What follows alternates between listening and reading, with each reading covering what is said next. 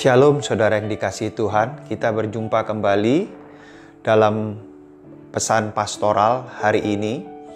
Eh, hari-hari uh, ini saya banyak melihat orang sedang khawatir, sedang takut, sedang kebingungan terhadap dirinya, keluarganya, masa depannya seperti apa. Nah, saya mau memberikan sebuah gambaran, sebuah keyakinan kepada kita semua bahwa hidup kita itu di tangan Tuhan. Hidup kita bukan di tangan COVID-19, hidup kita bukan di tangan manusia, bukan di tangan siapa pun, tapi hidup kita ada di tangan Tuhan. Nah, saya akan bacakan dari Yeremia pasal 18 ayat yang keempat. Bapak Ibu nanti boleh membaca di rumah dari ayat pertama sampai dengan ayat yang ke-10. Demikian firman Tuhan. Apabila bejana yang sedang dibuatnya dari tanah liat di tangannya itu rusak, maka tukang priuk itu mengerjakannya kembali menjadi bejana lain menurut apa yang baik pada pemandangannya. Bapak Ibu, kehidupan manusia itu seperti tanah liat di tangan tukang priuk. Apabila manusia ini mengalami kerusakan atau tanah liat ini mengalami kerusakan, maka tukang periuk atau Tuhan yang menciptakan manusia itu akan menata ulang kembali dari manusia tersebut. Sehingga manusia itu kembali kepada rencana awal Tuhan menciptakan manusia.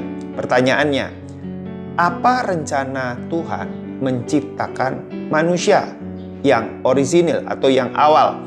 Nah, di dalam kejadian pasal yang pertama ayat 26 sampai 28, Bapak Ibu akan dapat menjumpai di sana ada empat rencana besar yang Tuhan rancangkan dari awal menciptakan manusia. Manusia awal adalah Adam dan Hawa. Apa rencananya? Yang pertama, manusia diciptakan menurut gambar dan rupa kita. Saya percaya ini berbicara manusia diciptakan itu sekarakter dengan Allah. Rencana yang kedua adalah manusia diciptakan oleh Tuhan menjadi objek berkat Tuhan. Tuhan tidak pernah mengutuki manusia, tetapi Tuhan senang Tuhan itu memberkati manusia yang diciptakannya. Kemudian yang ketiga, Manusia diciptakan oleh Tuhan diberi kuasa untuk berbuah dan bertambah banyak untuk memenuhi bumi ini. Pada waktu itu bumi masih kosong. Sehingga manusia diciptakan oleh Tuhan supaya manusia itu beranak cucu, bertambah banyak memenuhi bumi ini. Tapi zaman sekarang bumi ini sudah penuh dengan manusia, tentu tidak beranak cucu lagi, tetapi berbuah buah yang dapat dinikmati oleh Tuhan buahnya itu. Nah, yang keempat adalah diberi otoritas atas ikan-ikan di laut dan burung-burung di udara dan atas segala binatang yang merayap di bumi. Ini rencana awal Tuhan menciptakan manusia. Begitu dahsyatnya, bukan? Nah, namun sayang, dalam perjalanan hidup, manusia itu jatuh di dalam dosa. Maka apa yang terjadi? Manusia kehilangan kemuliaan Allah. Upah dosa adalah maut. Hukuman itu pasti terhadap orang yang berbuat dosa, dan semua orang yang berdosa akan masuk ke dalam api belerang yang menyala-nyala. Itu yang disebut dengan neraka. Nah, manusia sadar dan manusia ingin berdamai dengan Allah dengan caranya sendiri. Dengan cara apa? Berbuat baik kepada sesama, ia ingin berbuat baik kepada Tuhan dengan cara beribadah, dengan cara beretika yang baik. Bahkan ada yang dengan kesalehan menunjukkan bahwa dirinya ingin berdamai dengan Allah. Tapi sayang, caranya sendiri tidak dapat mendamaikan dirinya dengan Tuhan. Mengapa? Karena yang membuat bisa berdamai adalah satu, yaitu Tuhan Yesus Kristus, Juru Selamat dunia. Itu sebabnya dalam Efesus pasal 2 ayat 8 dan 9 mengatakan, Sebab karena kasih karunia kamu diselamatkan oleh iman. Itu bukan hasil usahamu, tetapi pemberian Allah. Itu bukan hasil pekerjaanmu. Jangan ada orang yang memegahkan diri.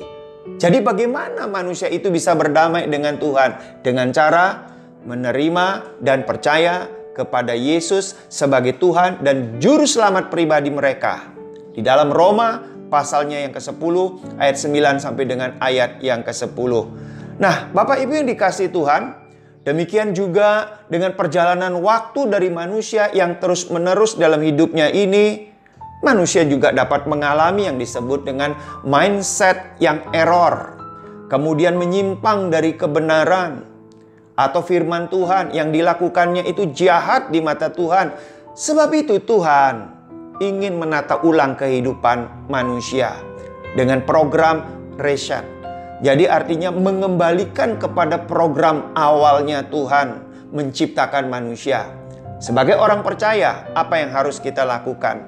Ketika Tuhan menata ulang hidup kita, ada dua hal yang harus kita lakukan. Yang pertama, menjadi tanah yang mudah dibentuk oleh Tuhan seperti yang dikehendakinya. Seperti tanah liat yang ada di tangan tukang periuk. Ketika tanah ini dilihatnya itu gagal seperti yang direncanakannya, maka tanah ini akan dibentuk ulang lagi menjadi seperti yang dikehendakinya menurut pemandangannya itu baik. Demikian juga manusia.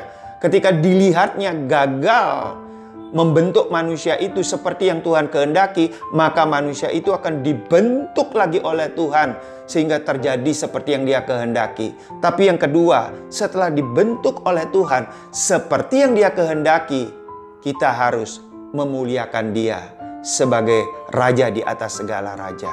Biarlah pesan pastoral ini memberi kekuatan kepada kita. Sekali lagi saya katakan, hidup kita di tangan Tuhan bukan di tangan manusia, bukan di tangan COVID-19. Biarlah Tuhan yang memberi kekuatan kepada kita. Mari kita berdoa. Bapa di dalam nama Tuhan Yesus, kami mengucap syukur kepadamu. Hari ini kami percaya bahwa hidup kami ada di tangan Tuhan. Engkau yang berkuasa atas hidup kami. Sebab itu kami menyerahkan diri, tubuh, jiwa, roh kepadamu silahkan engkau bentuk kami seperti yang kau kehendaki. Jadikan kami seperti yang kau kehendaki. Biarlah setiap kami boleh setiap waktu memuliakan Tuhan. Terima kasih buat proses yang Tuhan izinkan di dalam hidup kami melalui wabah COVID-19 ini. Bahkan ada resesi ekonomi yang Tuhan izinkan terjadi. Terima kasih Bapak. Dalam nama Tuhan Yesus. Amin.